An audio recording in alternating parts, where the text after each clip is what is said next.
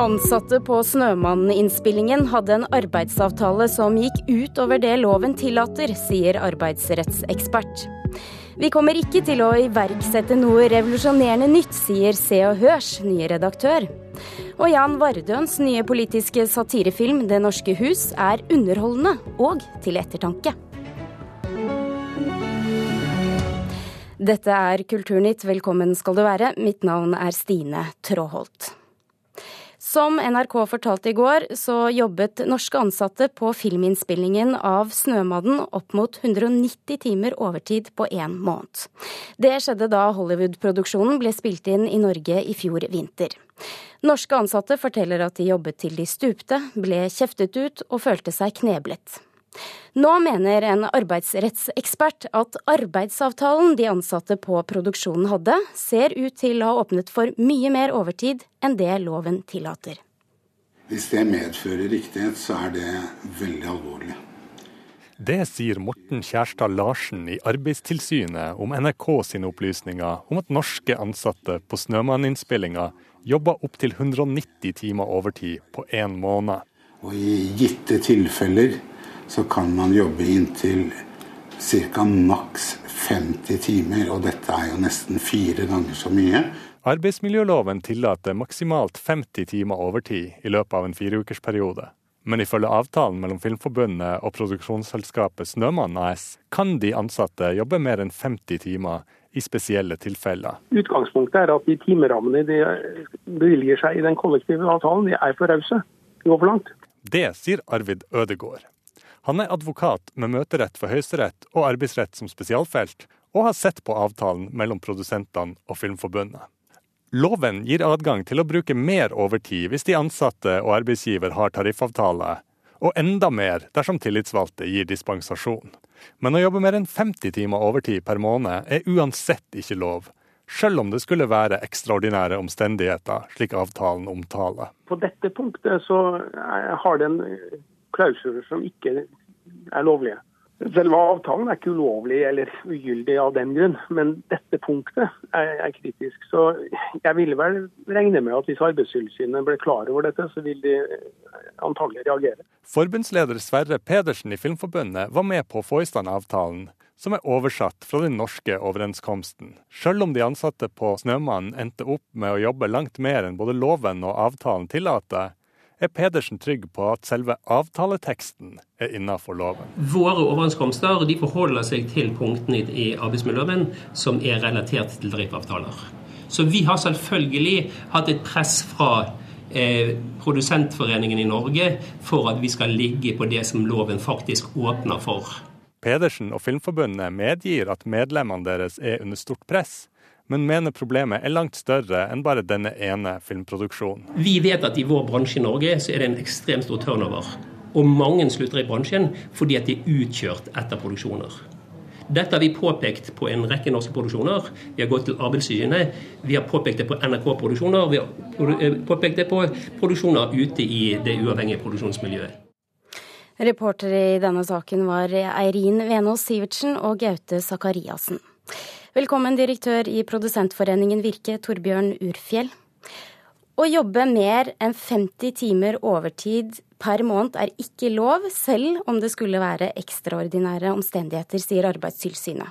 Hvordan kan da en norsk produsent inngå en avtale som eh, åpner for større bruk av overtid enn det loven tillater?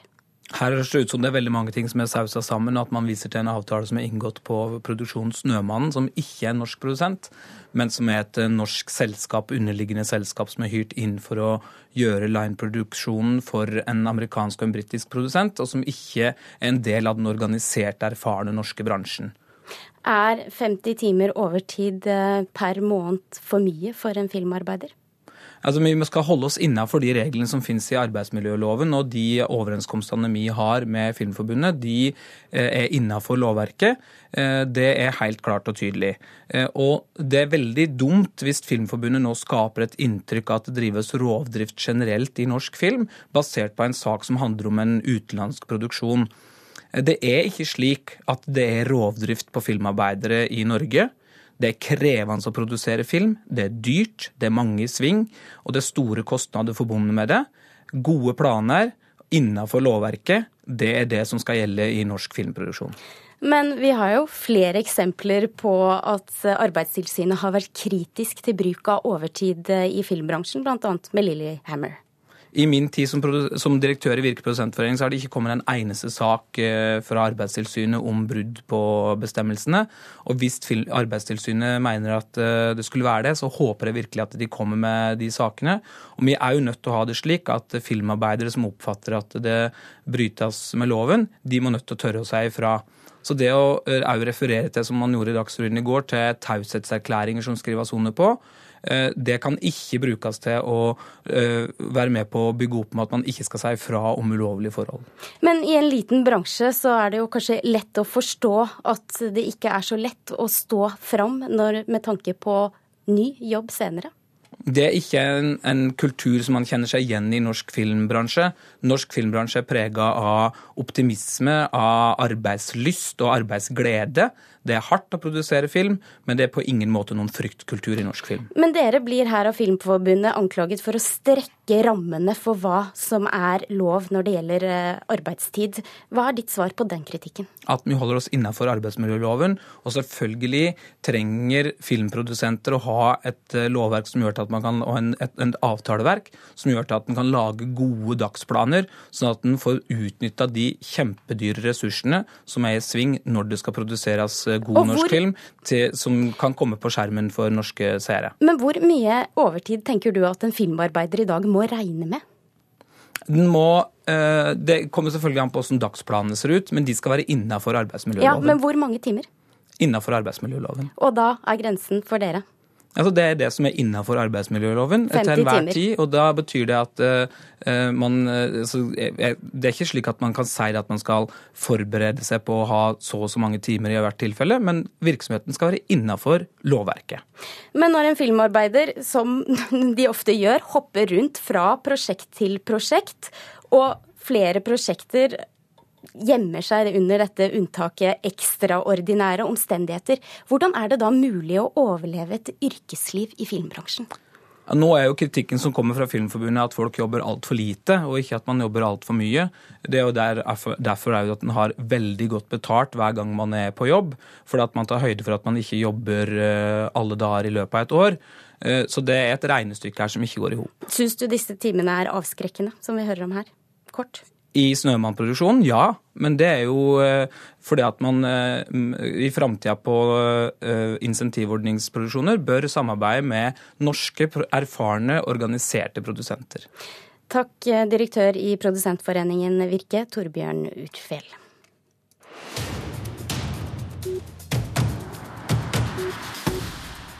I Grimstad så planlegges det et nytt museum i lokalene der rettssaken mot Knut Hamsun foregikk etter andre verdenskrig. Men mange i byen har fortsatt et konfliktfylt forhold til Hamsun, og kommunens ledelse er forberedt på reaksjoner. En bratt trapp leder opp til det som i dag rommer barnebiblioteket i Grimstad men som tidligere ble brukt som rettslokale under Landsvik-saken mot Knut Hamsun i 1947. Ja, nå går vi da inn i antasje i bibliotekbygningen, i den salen hvor uh, rettssaken mot uh, Hamsun foregikk. Sier Stein Julem. Og man vet at det var her det var. Uh, for det er tatt bilde av Hamsun foran den veggen med den løven på over døra der. Og på den andre siden da fru Justitia. Med unntak av alle barnebøkene er selve rommet og veggdekoren som den var. Så her foregikk det, og det er en del av historien. Like like, like det. Eh, som bør tas vare på. Selvsagt sammen med, og først og fremst sammen med hans forfatterskap. Julem representerer KrF i kultur- og miljøutvalget i Grimstad, og tilhører flertallet som i går stemte for å sette i gang et forstudie for en mulig etablering av et Hamsun-museum i den røde teglsteinsbygningen som i dag huser byens bibliotek. Altså Lokalet blir jo ledig eh, når biblioteket flytter, det er det ene. Også fordi at rettssaken foregikk nettopp her.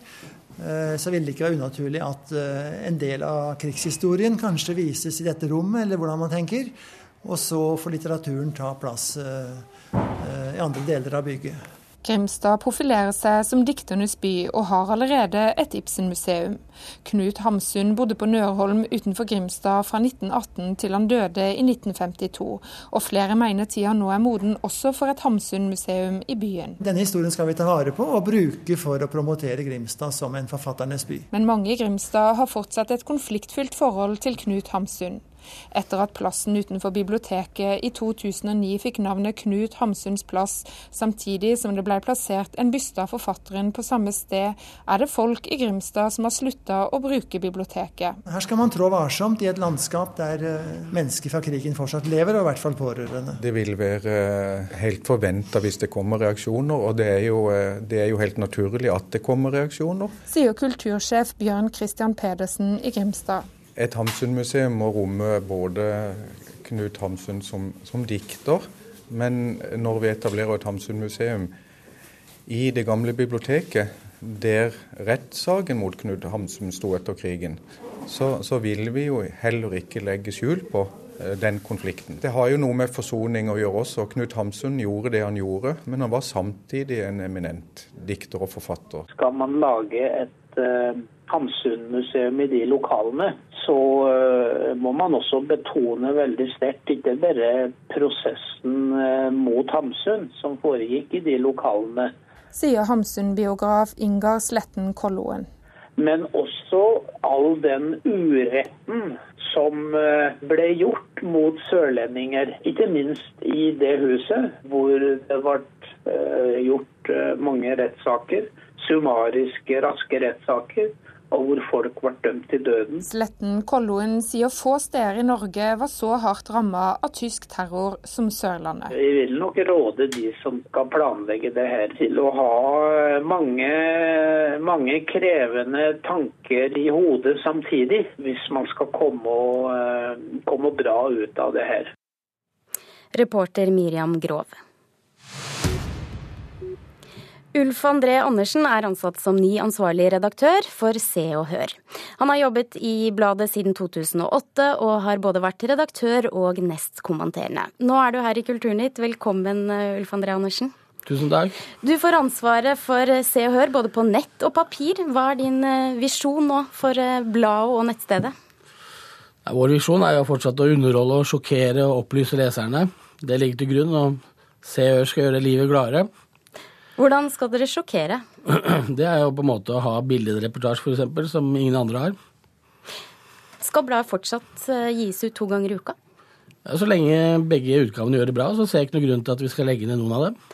Det har jo vært eh, tendenser til synkende opplagstall eh, for tallene for 2015, som er de siste som har kommet. Hvorfor har du fremdeles da så stor tro på papirbladet?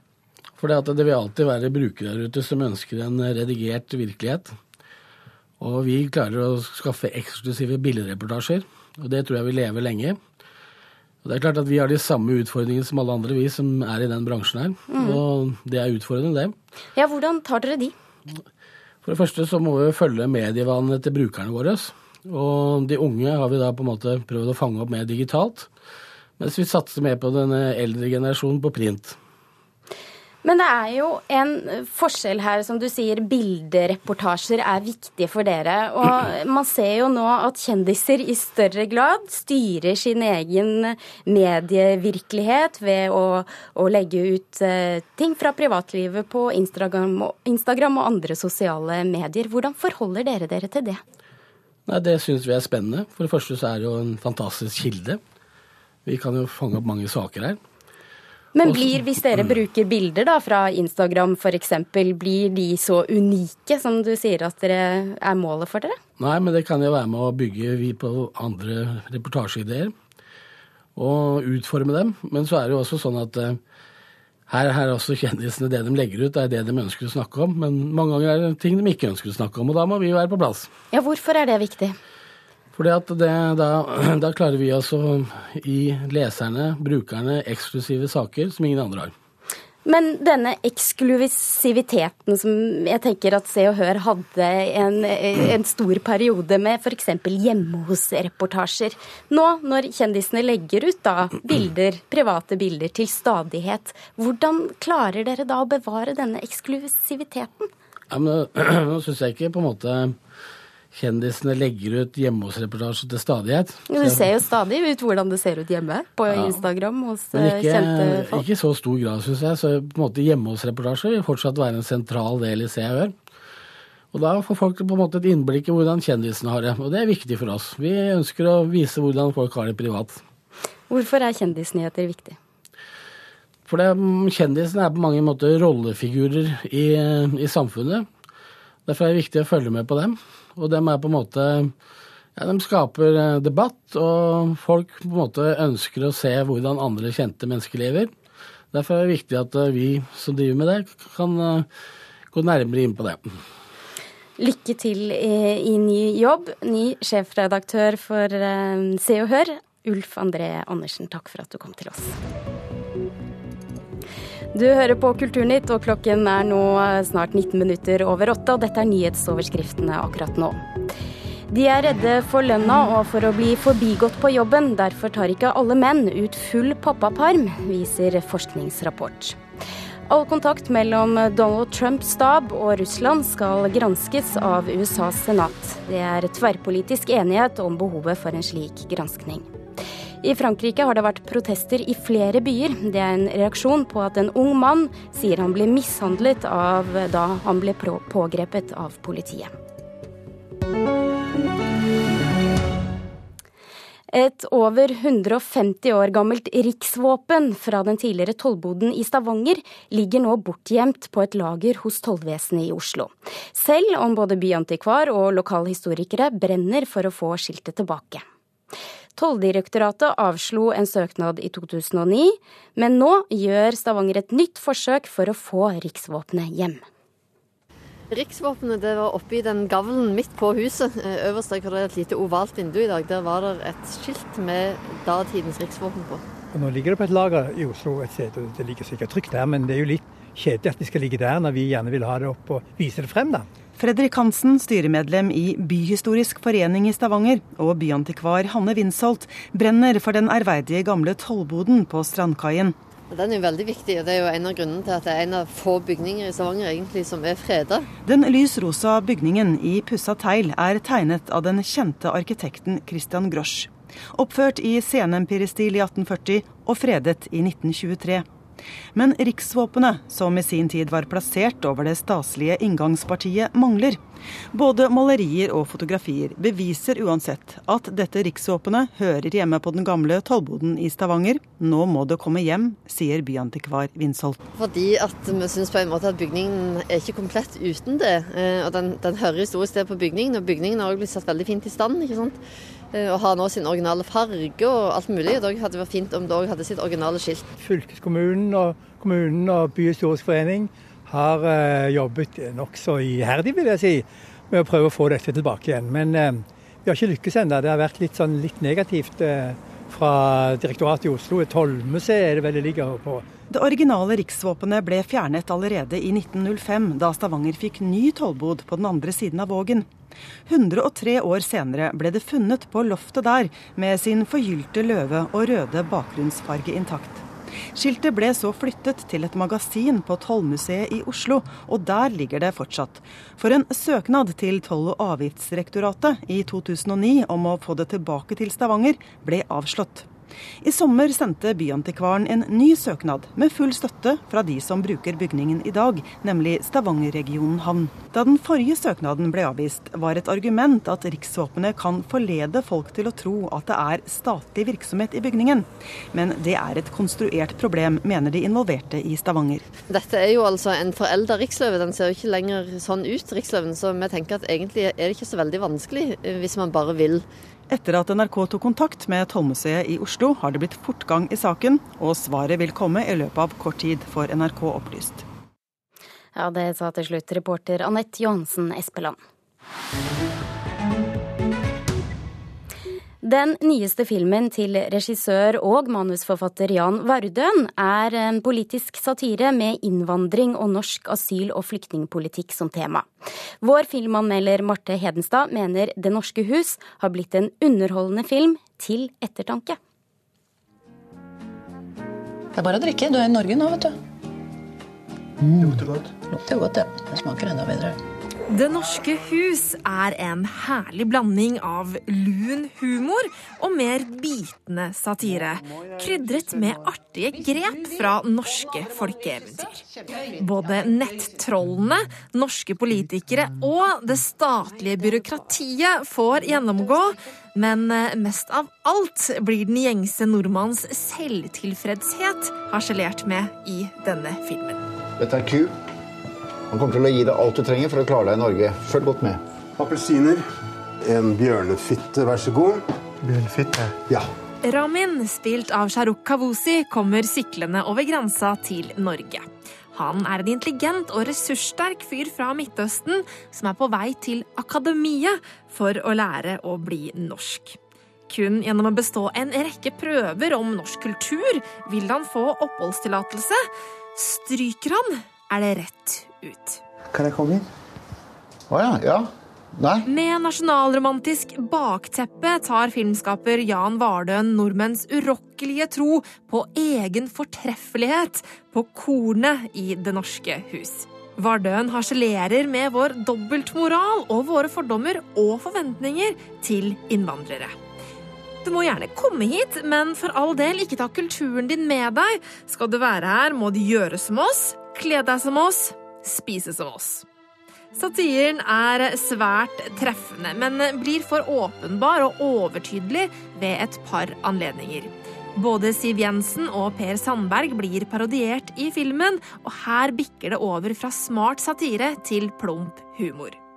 For eksempel har scenen som innebærer en Good Journey-T-skjorte, en leppestiftkjole og en strap-on lite å si for handlingen, og er kun en åpenbar langfinger i retning de to politikerne. Oppholdstillatelse? Så spennende! Godt hjulpet av et skuespillerensemble med bl.a. Hege Skøyen, Helen Vikstvedt og Gard Bjørstjerne Eidsvoll på rollelista, i tillegg til den sjarmerende Shahrukh Kaosi, har Jan Vardøen laget en skikkelig artig komedie. Filmen fungerer både som underholdning, men også som samfunnskritikk, og dermed oppfordrer ikke Det norske hus bare til storfliring i kinosalen. Den er også en film til ettertanke. Mellomleggspapir. Kan du si det? Oppholdstillatelse? Nei. Det norske hus ble anmeldt av Marte Hedenstad, og flere filmanmeldelser kan du lese på nrk.no film. Anne Hilde Neset blir ny direktør for Kunstnernes hus i Oslo. Hun kommer fra jobben som kunstnerisk leder i Ny Musikk, og har arbeidet med å fremme kunstmusikk og lydkunst. Anne Hilde Neset, gratulerer med ny jobb. Takk. Du har tidligere bodd 18 år i London og har bred erfaring fra Londons kunstscene og som programleder i BBC. Nå har du sett Norge utenfra i mange år, og med det blikket, hvordan vil du beskrive den norske kunstscenen? Ja, Her er det jo enormt mye bra som skjer. Eh, det må jeg bare si. Så det er en veldig spennende plass å være, Oslo akkurat nå. Og ikke minst med alle de nye byggene vi får snart. Um, og en, eh, en, et kraftsentrum, vil jeg si, i forhold til kunst. Det som jeg kanskje legger merke til òg, er en slags sånn eh, båstenkning her i, her i, Oslo, i hvert fall i Norge kanskje. At man, man holder seg innenfor sitt kunstfelt. Og nå beveger jo jeg meg egentlig da fra musikkens felt inn til kunstens felt. Hva mener det, du med en sånn båstenkning? Nei, jeg tenker at det, kanskje det er en tradisjon, i hvert fall når jeg bodde i London, så var jeg og arbeida en del med, og var en del på store kunstsentrum, f.eks. Eh, Barbican eller South London eh, um, Southbank Center, eh, som jo er store kulturhus i den forstand at det kan romme utstilling, kino, konserthus. At det er et, et, et sted som òg man kan undersøke store ideer med forskjellige vinkler. F.eks. For du, kan, du kan ta en retning innenfor kunsten, og så kan du vise den fram gjennom design og eh, eh billedkunst, konserter, eh, kino osv. Så, videre. så den type tankegang der eh, Men hvorfor er det så viktig? Jeg tror at det er ekstremt viktig for å forstå samtiden vi lever i. Altså alle disse, eh, alle disse kunstformene er innspill på eh, det å skjønne den komplekse hverdagen. Og Kunstnerens hus har alltid vært et møtested for kunst og kunstnere og publikum. Og nå så har det et en splitter ny kino. Det har en, eh, en, relativt ny restaurant med et eh, fantastisk lydanlegg. Det har byens nydeligste utstillingssaler. Så det har liksom fantastisk utgangspunkt for å skape samtaler mellom, mellom film og kunst, og mellom mennesker, og være et bra sted å være. Hvordan, nå skal du jobbe da med billedkunstnerne. Hvordan skal de nå bredere ut? Det er Jeg tenker at billedkunsten kan Eller og samtidsmusikken har, har, en jobb å gjøre i forhold til kommunikasjon av og til. Eh, noen, I noen presseskriv som jeg leser osv., så, videre, så er det en, et, et, språk som kan være veldig eh, innadvendt og forknytt. Jeg tenker at det er litt sånn viktig å, å huske på hva det er dette handler om. Hva, hva, hva er det vi skal se her? Hvorfor snakker det til meg som menneske? Spesielt i dag, tenker jeg. I dag hvor vi har en veldig utfordrende politisk situasjon på verdensbasis. Hvor, hvordan kan kunsten og kulturen eh, hjelpe oss å forstå den? Utenfor eh, Oslos grenser så er Kunstnernes hus eh, kjent for Høstutstillingen. Og den eh, posisjonen har gått, den står fremdeles. Hvor viktig er det å ivareta den for deg?